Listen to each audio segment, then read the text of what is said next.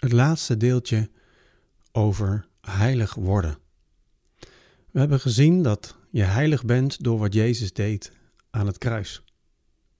We hebben ook gezien dat je heilig moet worden door je ogen gericht te houden op Jezus.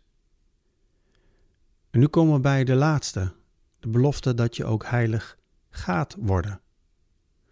Of we nu stilstaan bij heilig zijn door wat Jezus deed aan het kruis, of stilstaan bij hoe we heilig moeten worden, als persoon of als kerk, er blijft altijd iets knagen dat we het toch niet helemaal ervaren.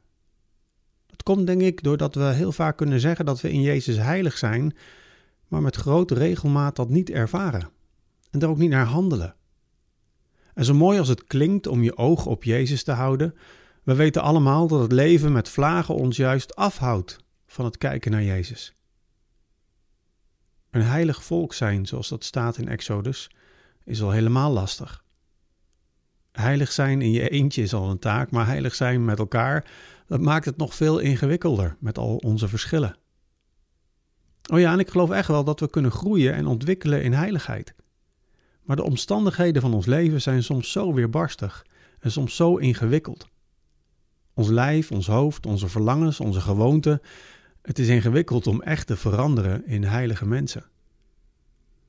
Als ik kijk naar de brieven van Paulus, als ik kijk naar het volk Israël, als ik naar mezelf kijk, dan is het eigenlijk heel teleurstellend dat mensen zo vaak falen.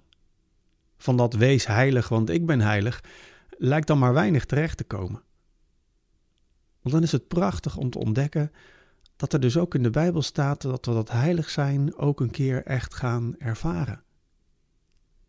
Ik moet denken aan de heiligen uit openbaring, die in witte kleren voor de troon van God staan.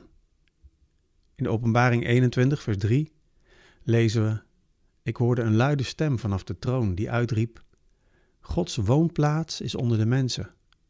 Hij zal bij hen wonen. Zij zullen zijn volken zijn.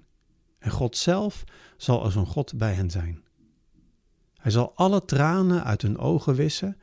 Er zal geen dood meer zijn, geen rouw, geen jammerklacht, geen pijn, want wat er eerst was, is voorbij. Hij die op de troon zat, zei: Alles maak ik nieuw. Ik hoorde zeggen: Schrijf het op, want wat hier wordt gezegd, is betrouwbaar en waar. De tranen die worden afgeveegd, de aanbidding uit miljoenen kelen, de shalom die we zullen ervaren. Vind het prachtig als ik deze verse lees. Er komt een moment waarop God ten volle zijn ruimte in jou en mijn leven inneemt en de gebrokenheid als tranen van onze ogen wist. Heilig zul je worden. Heb een goede dag.